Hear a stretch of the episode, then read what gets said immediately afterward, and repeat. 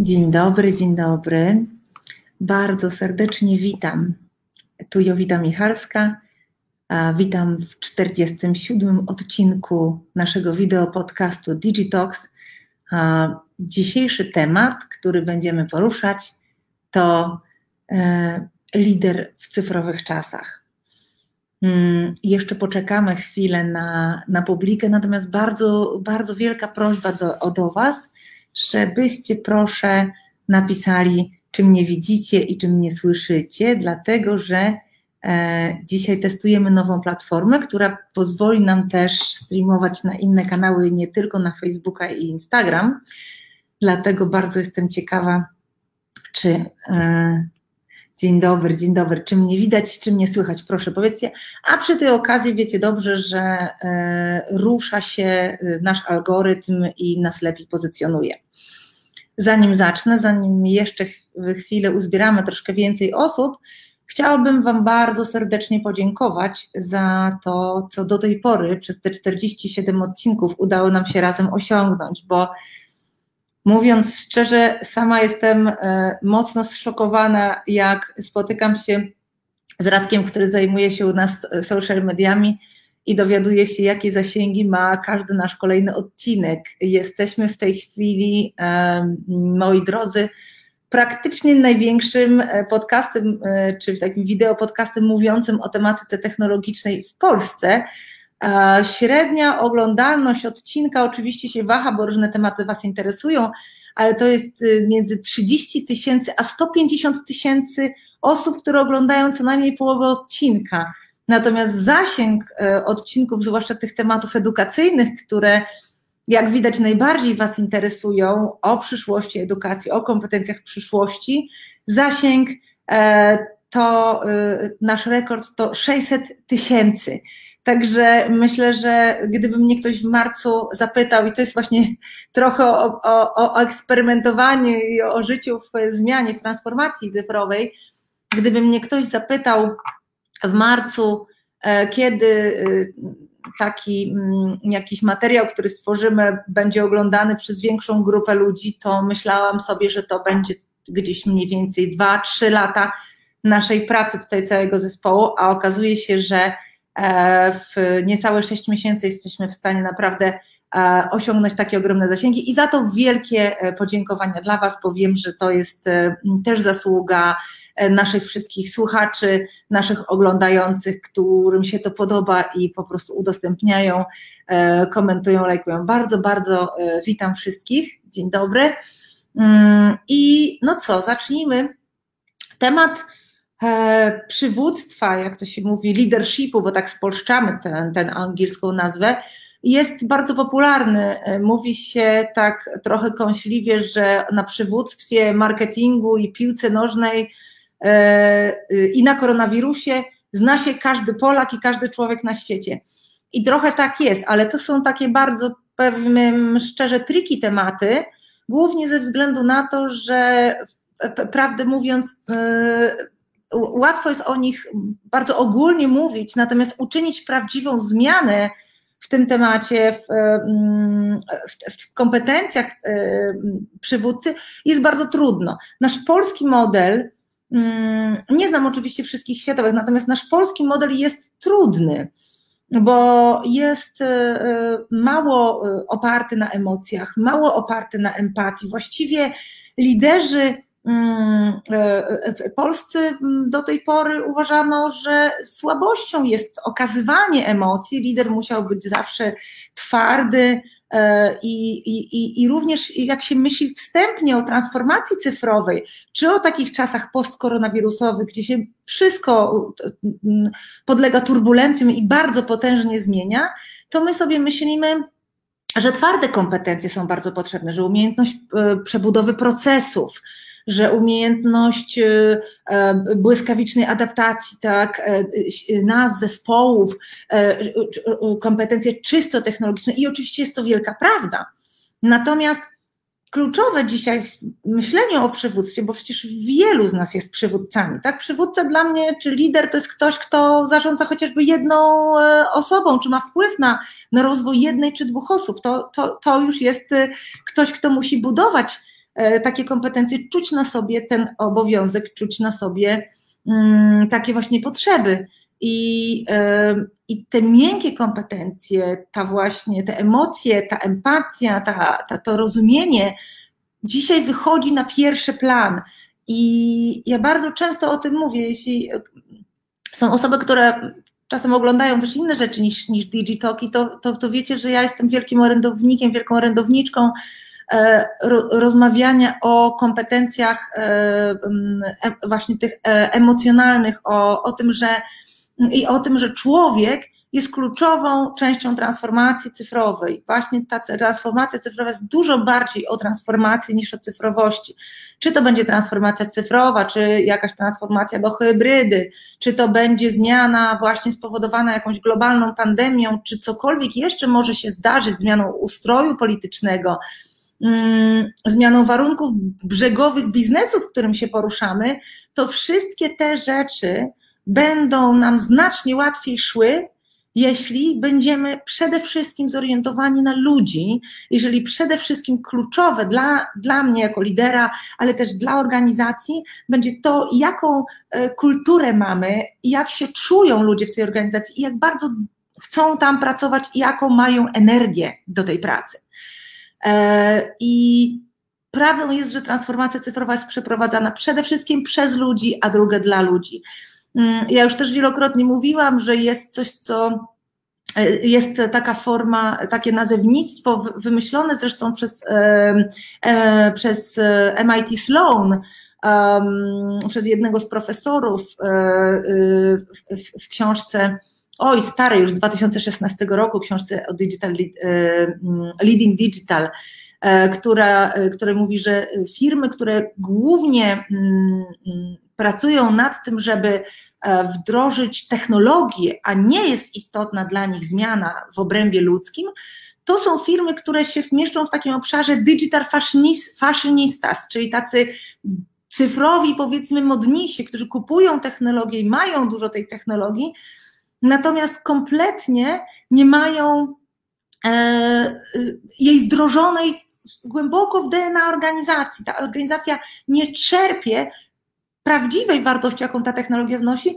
dlatego że ludzie nie są za, a często są zalęknieni, e, starają się obejść tą technologię, pracować starymi metodami, a już na pewno nie współpracują ze sobą, nie uczą się, nie mają takiej kultury otwartości. I to jest to, o czym dzisiaj chciałabym powiedzieć. Więc po pierwsze chciałabym powiedzieć, jakie są główne wyzwania takiego lidera, a po drugie, czego dzisiaj lider się powinien uczyć, bo dobra wiadomość, którą chcę powiedzieć, jest taka, że przywództwa można się uczyć, a właściwie trzeba się uczyć. Że dobre przywództwo, zwłaszcza w czasach, kiedy się strasznie zmienia, to jest coś, to jest kompetencja, której można się nauczyć. I teraz tak, jakie obszary są szczególnie ważne dzisiaj dla lidera? żeby było możliwe zrealizowanie tych wszystkich ciężkich, bardzo trudnych celów, które stają przed nami, na które czasami zupełnie nie mamy czasu. Pierwsza to są emocje, emocje, emocje. Pierwsza i chyba naprawdę bardzo, bardzo ważna, zwłaszcza, że emocje nie są naszą silną stroną mm, i emocje nie są silną stroną w ogóle tego, jak jest postrzegane przywództwo w naszym kraju.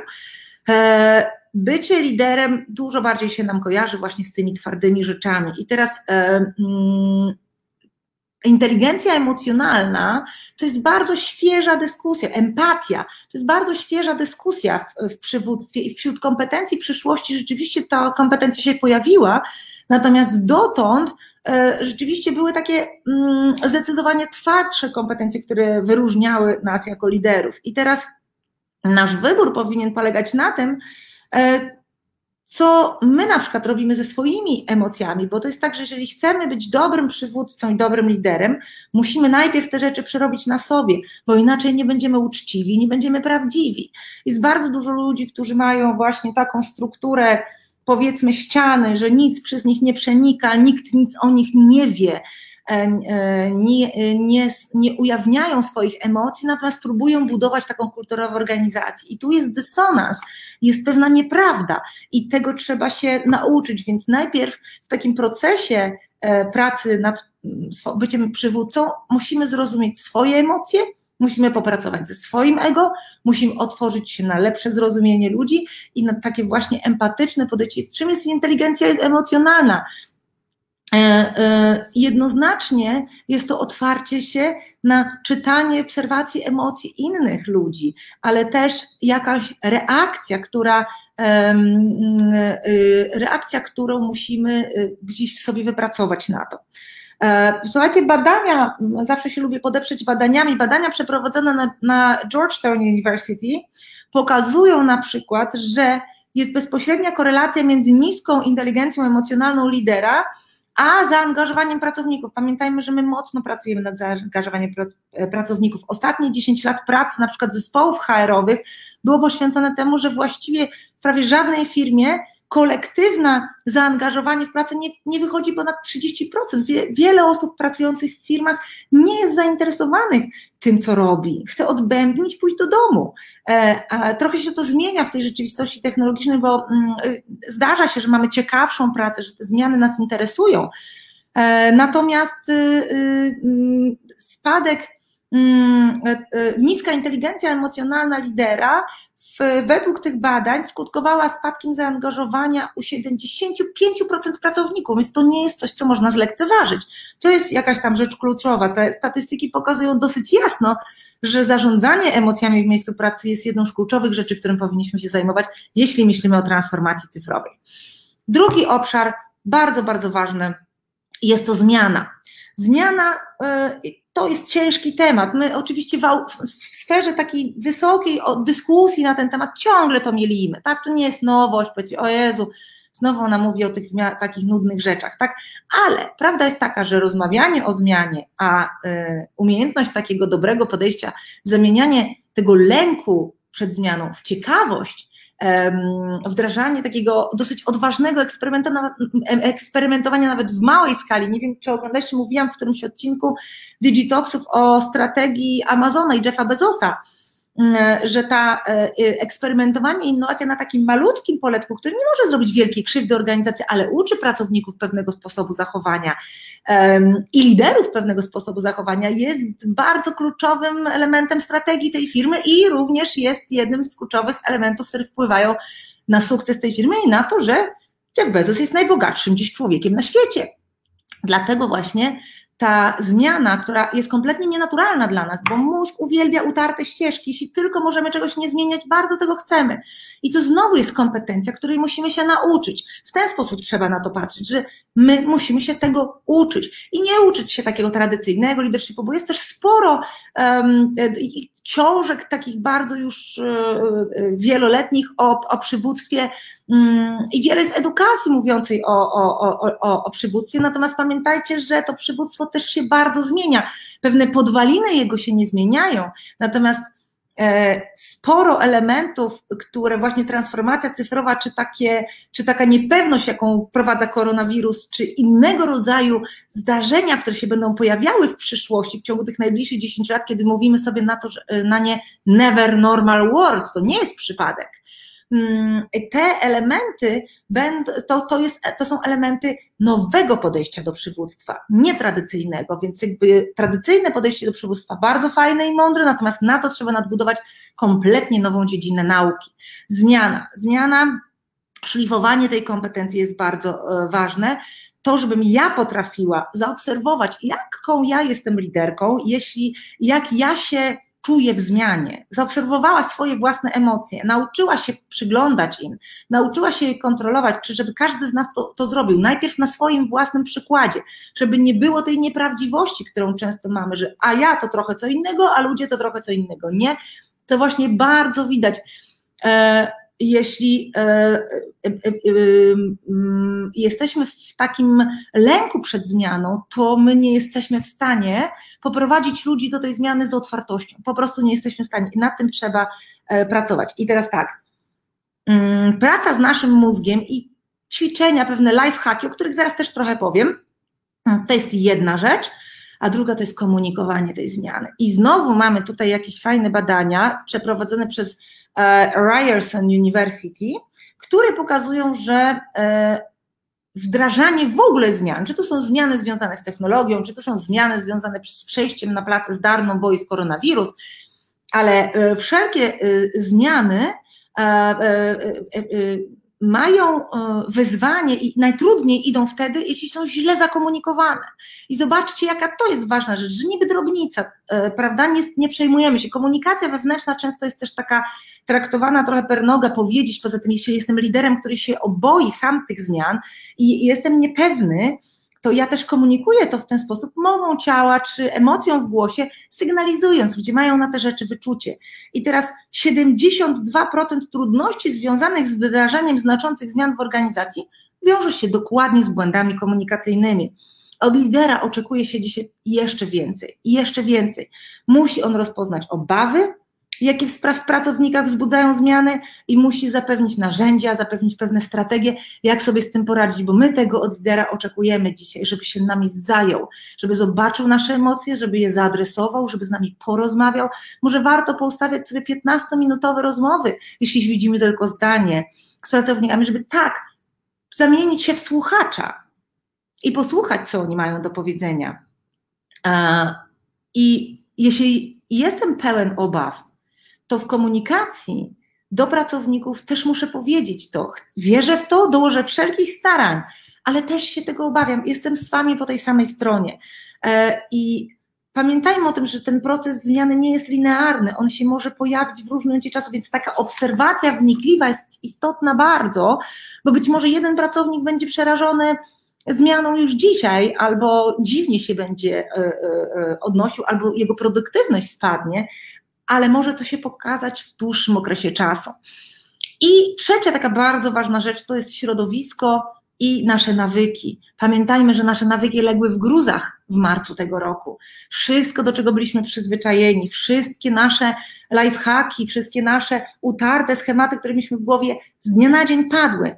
Rozmawiałam z jednym z wysoko postawionych menadżerów w zeszłym tygodniu, który opowiadał mi, że jego organizacja do częściowej pracy zdalnej, do, takiej, do takiego hybrydowego modelu, on szykował rok, dwa, całą koncepcję, strategię, myślenie na tym i poszedł na e, zarząd, porozmawiać ze swoim zarządem o tym, że ma y, wszelkie podwaliny pod to, żeby myśleć, że to jest bardzo nowoczesny, mądry, fajny sposób e, na, na zmianę w, właśnie w sposobie pracy dla firmy. I wszyscy członkowie zarządu na początku tego roku odrzucili tą koncepcję jako kompletnie nieodpowiednią, jako nieodpowiednią dla tej firmy, dla tej kultury i tak dalej. I co się stało? Miesiąc czy dwa później, z dnia na dzień musieli wdrożyć tą koncepcję, bo po prostu nie było innego wyjścia. I w takich sytuacjach organizacje, jeżeli muszą przeprowadzić z dnia na dzień zmianę, to środowisko pracy, e, którym musimy e, pracować dzisiaj się kompletnie inaczej dzieje i umiejętność zarządzania w środowisku rozproszonym to też znowu nie jest cecha tradycyjnego lidera. Zupełnie nas nikt tego nie uczył i zupełnie tego nie umieliśmy robić. E, I co jest najważniejszym elementem tu? Kontrola versus elastyczność wprowadzenie kompletnie nowych reguł, niepróbowanie. My jesteśmy też mistrzami w tym, żeby spróbować przekleić stare środowisko do nowego i te histerie, które mm, słyszymy i, i te trudne, trudne historie, które słyszymy z rynku, Osobiście wiele takich rozmów przeprowadziłam, czy to w środowisku prywatnym, czy w zawodowym z naszymi partnerami, klientami, z znajomymi po prostu, gdzie ludzie mówią, jesteśmy kontrolowani, sprawdzani, szef do mnie dzwoni o 8, dzwoni do mnie o 16, mamy już nałożoną jakąś kontrolę ruchów myszki, mm, mamy nałożoną e, kontrolę e, e, w internecie, żeby wiadomo było, czy coś robimy, jak tylko czegoś nie robimy, to natychmiast jest telefon, dlaczego ja nic, ja nic nie robię. Próba przeniesienia też 9, 17 tego, tego, tego trybu pracy absolutnie szwankuje bardzo, bardzo y, y, negatywnymi efektami. I jeżeli macie takie doświadczenia, proszę napiszcie też w komentarzach, dosłownie jedno zdanie. Jeśli takie doświadczenie macie, to się bardzo, bardzo przyda. Dla mnie to jest mega ciekawy materiał. E, I teraz powiem Wam tak, my żeśmy e, z racji tego, że to jest problem też związany z transformacją, czyli tym, czym się Digital University bardzo mocno zajmuje, E, to uruchomiliśmy takie trochę dwie ścieżki dyskusji. Jedna to sprowadzimy te dyskusje w naszej e, e, międzynarodowej organizacji Singularity University, z którą pracujemy, a z drugiej strony pracujemy z naszymi polskimi mm, klientami, liderami, partnerami oraz z ekspertami, z międzynarodowymi i polskimi i zagranicznymi oraz takimi Polakami, którzy też międzynarodowo bardzo pracują. E, I, i ukuło nam się takie, taki zestaw modułów, które powinniśmy wziąć pod uwagę, żeby nauczyć się tego nowoczesnego leadershipu. Nazwaliśmy to, uważam bardzo, bardzo trafnie, e, bulletproof leadership, czyli, e, czyli przywódca odpo, kuloodporny. Kuloodporny, naprawdę, tak zwyczajnie. I, i, to, co jest, wydaje mi się, ważne, to e, to, żebyśmy my jako liderzy wiedzieli, jest takie powiedzenie, najpierw załóż maskę sobie, potem dziecku w samolocie. I to jest dokładnie ten sam model. My dzisiaj ratujemy ludzi, ratujemy zespoły, zajmujemy się tymi ludźmi, przejmujemy się nimi, ale kompletnie nie myślimy o tym, że najpierw trzeba założyć maskę sobie, a potem założyć swoim pracownikom, że najpierw ja muszę stać się empatyczny, ja muszę nauczyć się tej inteligencji emocjonalnej, ja muszę być otwarty na zmiany, ja muszę być otwarty na eksperymentowanie i poszukiwać ciągle nowych rozwiązań, być ciekawy, a nie zalękniony, zanim będę mógł czy mogła świadomie wdrożyć to ludziom. Eee, jak przejść przez te zmiany, tak? Przez brak bezpieczeństwa bo nie mamy tego bezpieczeństwa i też nie możemy otwarcie ludziom zapewnić, nie możemy ich oszukać. Przez pracę zdalną, do której nie jesteśmy przygotowani, kompletnie nie umiemy tego robić, przez brak zaangażowania, bo jeśli ludzie, y, y, ciekawy bardzo artykuł y, Sati Nadeli, globalnego szefa Microsoftu, ciekawy i bardzo wiarygodny, zwłaszcza, że przecież Microsoft jest dostarczycielem technologii do pracy zdalnej i doskonale widzi, jak wyglądają jej efekty. I świetny artykuł, gdzie Satya Nadella mówi, efektywność pracy zdalnej siadła. Przede wszystkim dlatego, że staramy się ją robić w sposób tradycyjny, że nie wyszukujemy, jeszcze nie przygotowaliśmy nowych mechanizmów, jeszcze nie przygotowaliśmy tego, jak mamy pracować, nie wdrożyliśmy tych zmian, one jeszcze nie zadziałały, jeszcze nie mamy tak zwanego proven track record, jak ja to mówię, czyli jeszcze nie mamy takiego momentu, gdzie ludzie e, gdzie ludzie mówią, ok, to nam zadziałało, wy możecie wprowadzić, jest wymiana jakichś case'ów. Mówimy sobie takie drobne rzeczy, ale to się jeszcze nie dzieje. To, co jest e, ważne, to myślę, żeby mm, powiedzieć o tym, że sobie w takich sześciu, powiedzmy, modułach, obszarach musimy to zamknąć, jeśli myślimy o takim e, kuloodpornym liderze dzisiaj. Odporność to jest jeden obszar, który trzeba zbudować. Zmiana i wszystko wokół zmiany to jest drugi obszar, który trzeba zbudować. Nawyki, nowe nawyki to jest trzeci obszar, którym trzeba się zająć. Środowisko to jest czwarty obszar, którym się trzeba zająć innowacja i zupełnie nowe podejście do innowacji, bo, bo w, czasach stacjonarnych, w czasach hybrydowo e, zdalnych, zupełnie inne musi być podejście do mm, innowacji. No i myślę, że last but not least, ostatni, ale nie najmniej ważny element, bardzo, bardzo istotny, kultura. W jakiej kulturze chcemy wzrastać, chcemy to budować. E, i teraz na trzech poziomach musimy na to patrzeć, na te sześć grup. Osobistym, czyli gdzie ja jestem podczas takiej zmiany, kim ja jestem, jaką mam rolę, jak mogę sobie radzić z własnymi emocjami i z własną niepewnością, jakich ja potrzebuję narzędzi, aby zachować mój wewnętrzny spokój, aby zapanować nad sobą, aby pozostać zdecydowanym podczas ogromnego procesu zmian, bo wiedzmy o tym, że czasami bierzemy na przykład bardzo dużo na siebie, a potem stajemy się agresywni w stosunku do ludzi. Potem stajemy się roszczeniowi w stosunku do ludzi, albo chcemy być e, rodzicami dla nich, a nie partnerami, nie empatycznymi, też odbiorcami ich emocji. I to są takie nawyki, z których trzeba zrezygnować. Pierwszy taki obszar to jest osobisty. Drugi zorientowanie na zespół. Jak mogę się ja stać osobą, która rzeczywiście rozumie tych ludzi, jak ich lepiej słuchać, czy potrafię to robić? Jakie mam narzędzia i metody, aby wesprzeć i siebie, i mój zespół. Czy ja takie narzędzia mam? Czy się ich nauczyłam? Czy przeczytałam artykuł, książkę na ten temat? Czy poszłam na jakieś zajęcia, warsztaty z tego tematu? Jak ja powinnam działać? Czy powinienem działać jako lider? Aby inspirować, angażować i wzmacniać moich ludzi właśnie w środowisku hybrydowym, kiedy technologia wcale nie jest jeszcze po naszej stronie, bo to wszystko się teraz tworzy. i wymiar organizacyjny, czyli taki szerszy, od najmniejszego tak do największego. W jaki sposób struktura w mojej organizacji i kultura, która dotychczas królowała w mojej, w mojej organizacji, wspierają, wspierają proces ciągłych zmian i proces transformacji cyfrowej. Jak się do tego w ogóle Najpierw trzeba postawić diagnozę. Jak zapewnić e, ponowne połączenie społeczne, bo ci ludzie mieli ze sobą relacje. A co z nowymi pracownikami? Z mojego pole, z naszego poletka organizacji mamy od wczoraj nową pracownicę, która chce przychodzić do biura i siedzi w nim sama, ponieważ nikogo innego tutaj nie ma. Staramy się spotykać w poniedziałki, no teraz jest trudniejsza, znowu wchodzimy w żółte, czerwone strefy, trudniejsza sytuacja. Jak budować zespolenie takie społeczne swoich ludzi, jeśli jesteśmy praktycznie cały czas zdalnie? I jak wywołać ducha zespołu, jak budować spójną kulturę, jeżeli tak naprawdę jesteśmy tylko na jakichś kolach, co chwilę się przepinamy, mówimy, dobra, muszę kończyć, bo mam następnego kola albo następnego synka. E, jak wywołać takiego ducha zespołu w takim środowisku? I teraz tak, e, co jest ważne w budowaniu odporności?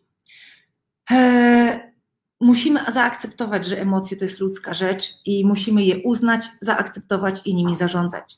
Bynajmniej nie mordować tych emocji, bo za emocją idzie prawda. Jeżeli my pozwolimy pracownikowi na, to, żeby się emocjonalnie zachował i wypluł czasami, przepraszam za to wyrażenie kolokwialne, ale trochę tak jest, wypluł z siebie, czy wyrzucił z siebie e, tą prawdę, która za tymi emocjami stoi, to jest bardzo y, y, dobry ruch, bo wtedy rzeczywiście zaczynamy wiedzieć, co się dzieje. E, taka odporność buduje się w zaufaniu i to jest też trudny temat, bo czy my sobie jesteśmy w stanie zaufać? Są takie badania, które robi Pew Research Center, zrobiło świeżo, to jest jedna z takich ciekawych organizacji badawczych, zawsze ma bardzo dobre wnioski, mówi, że na przykład milenialsi nigdy nie zaufają liderowi, jeżeli nie da się im poznać. Więc w takiej pracy zdalnej musimy dużo czasu poświęcić na to, żeby budować z pracownikami e, e, więź, żeby wiedzieć, co robią, czy mają psa, co ich kręci w życiu, co ich interesuje, w czym by się najlepiej czuli, E, i tego typu rzeczy, żeby móc e, zbudować, no to jest niesamowite, że zawsze, kiedy nagrywam Digitoka, bez słuchawek jest karetka po drodze. Także przepraszam Was za ten krótki przerwnik. E, mm, zaufanie. I zaufanie jest tak, że ja muszę dać to zaufanie, żeby je potem dostać. I to jest taka rola przywódcy lidera, że musisz po prostu zaufać, żeby ludzie ci też oddali. Mm, przez lata E, emocje, tak jak mówiłam, były mm, czymś miękkim, czymś niefajnym, czymś jakąś słabością. Nie są bynajmniej, to trzeba też przestawić mocno. E, bardzo ciekawe badania też widziałam, które pokazują, że zatrudniani jesteśmy z powodu naszego potencjału intelektualnego, czyli IQ, Natomiast zwalniani jesteśmy z powodu naszego EQ, czyli bardziej um, emocji czy inteligencji emocjonalnej i warto zwrócić na to uwagę, bo rzeczywiście w dzisiejszych czasach lepiej zachować tą pracę i wzmocnić tą inteligencję emocjonalną, jeśli taki argument do kogoś przemawia. E, mm, e, jakie są takie kluczowe korzyści z tego płynące? E, mamy pewne narzędzia, jesteśmy w stanie się nauczyć pewnych narzędzi, które budują odporność, które pozwalają wzbudzić większe zaufanie. E, y, dowiemy się, jak okiełznać te najsilniejsze emocje. To jest tak, że to, to wszystko są narzędzia i to nie jest tak, że ja muszę to wszystko samemu wymyśleć. To jest wszystko opisane w książkach, to jest wszystko w webinarach. My Pracujemy z tymi naszymi e, ekspertami światowymi e, głównie właśnie dlatego, żeby takie programy przygotować. I to, o czym ja dzisiaj tutaj mówię, jest odzwierciedlone też w programach edukacyjnych Digital University.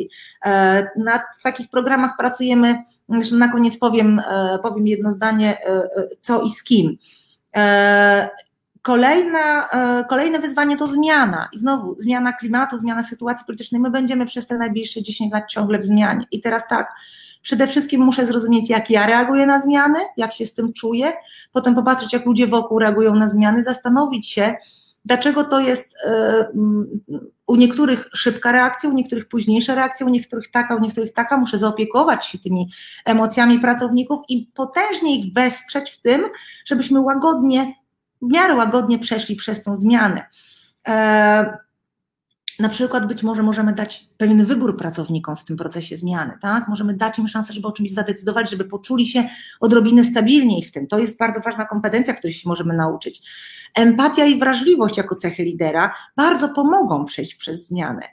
Hmm, humor i zabawa, podejście takie trochę też czasem na luzie, hmm, nie usztywnianie się we wszystkim, pomogą przejść przez zmianę umiejętność skutecznego komunikowania zmiany, opowiadania historii, wyszukiwania pozytywnych elementów gdzieś ze świata i pokazywania pozytywnych przykładów ludziom, wzmacnia ich i pozwala przejść przez zmianę.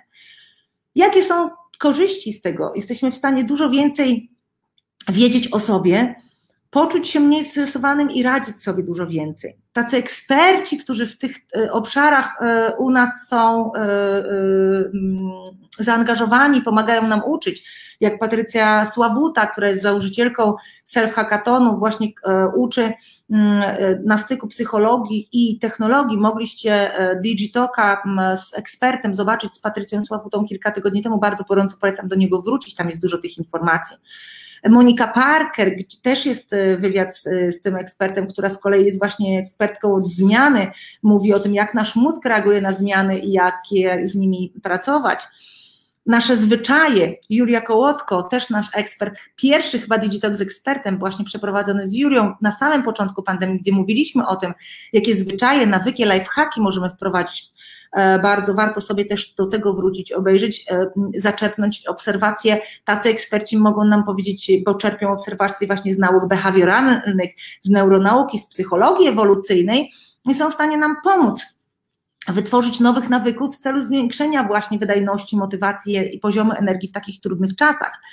E, nasze środowisko, tak, nowe środowisko pracy, jak stworzyć swego rodzaju e, kulturę i zasady nowe pracy, bo stare już nie obowiązują. Włączyć kamerkę, nie wyłączyć kamerki, może uruchomić dodatkowe na Slacku czy na jakiejś innej e, platformie technologicznej e, e, czat, na którym będziemy się dzielić, gdzie zjeść lunch, bo już go razem nie jemy. E, mm, wielu ekspertów, od, od, od, od środowiska hybrydowego pracy mamy, mamy wielu ekspertów i polskich i zagranicznych, z którym pracujemy.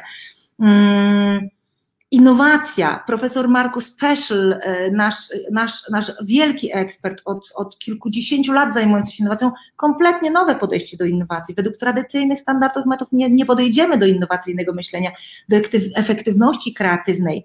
E, zmiana kompletnie sposobów prowadzenia innowacji to jest coś, co musimy dzisiaj przejść zrozumieć, dlaczego klasyczne podejście się nie zmienia, wprowadzić ten poziom eksperymentowania, ale jak to robić w pracy hybrydowej, to jest też coś, się, czego się powinniśmy nauczyć. I ostatni ten obszar, e, kultura. Jakie wartości, zaufanie, empatia, przejrzystość, współpraca, otwartość. Prawie nie ma takich środowisk pracy, które highlightują, które wy, wykładają na wierzch te właśnie wartości i, i krzewią taką formę kultury, która sprzyja łagodnemu przechodzeniu przez zmiany, tego, że ludzie wspierają się, właśnie nie lękają się, nie boją się tego, ale są ciekawi, chcą, e, są zainteresowani, e, chcą popróbkować tych, tych zmian, tych emocji. E, jaka kultura jest dobra dla firmy w zmianie, tego wszystkiego też można się nauczyć profesora Peszla, a o kulturze z kolei e, naszym wspaniałym ekspertem jest Grażyna Rzecha, która też e, praktycznie można powiedzieć zęby zjadła i wiele lat próbkowała w biznesie. Dzisiaj jest e, w tej części doradczej, w wielu różnych kulturach egzystowała E, jak budować ducha zespołu. To są rzeczy, które się można na warsztatach z nią nauczyć, jak zapewnić przepływ komunikacji w organizacji, żeby ta kultura e, nie była właśnie taka. Zobaczcie, jak się zmiany dzieją w organizacji. E, jak nie mieliśmy hybrydowego modelu pracy, to było widać, ludzie się grupowali w kuchni, szeptali, tak? Gdzieś było czuć ten lęk i niepewność. Dzisiaj po pierwsze nawet tego nie potrafimy, nie możemy zaobserwować, bo tego nie widzimy. Nie mamy kompletnie tych narzędzi hybrydowych i, i zdalnych, jak, jak z tym pracować jak i gdzie się tego uczyć. Z dobrych książek, trzy książki, zaraz powiem, jakie bym rekomendowała, właściwie nawet cztery w tej kwestii, webinarów, ale też wrzucę linka pod naszym, pod tym wideo po zakończeniu, bo digital, jako Digital University też się szykujemy do tej zmiany. Teraz właśnie program, który nazywa się Bulletproof Leadership, startuje 3 listopada.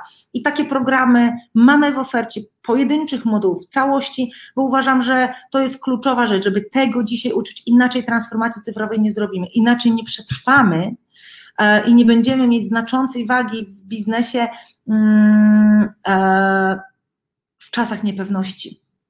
Bardzo dziękuję za Waszą dzisiejszą aktywność. Poproszę, e, jestem otwarta na Wasze komentarze, poproszę o, o linki, komentarze, udostępnianie i bardzo dzisiaj dziękuję. Książki też napiszę, ale to są takie. Learning to Lead Rona Williamsa, książka, którą bardzo mocno polecam. Po polsku, jeśli chcecie, mówiłam już o tej książce, Algorytmiczny lider Marka Walsha, dobra, fajna książka, ja tam nawet um, mam jakiś fragment przedmowy, e, dokładnie o transformacyjnym liderze. Disrupted yourself, eight ways to hack a better business before the competition does, czyli e, sam się prze, przemodeluj, może tak, mm, sam się zmień.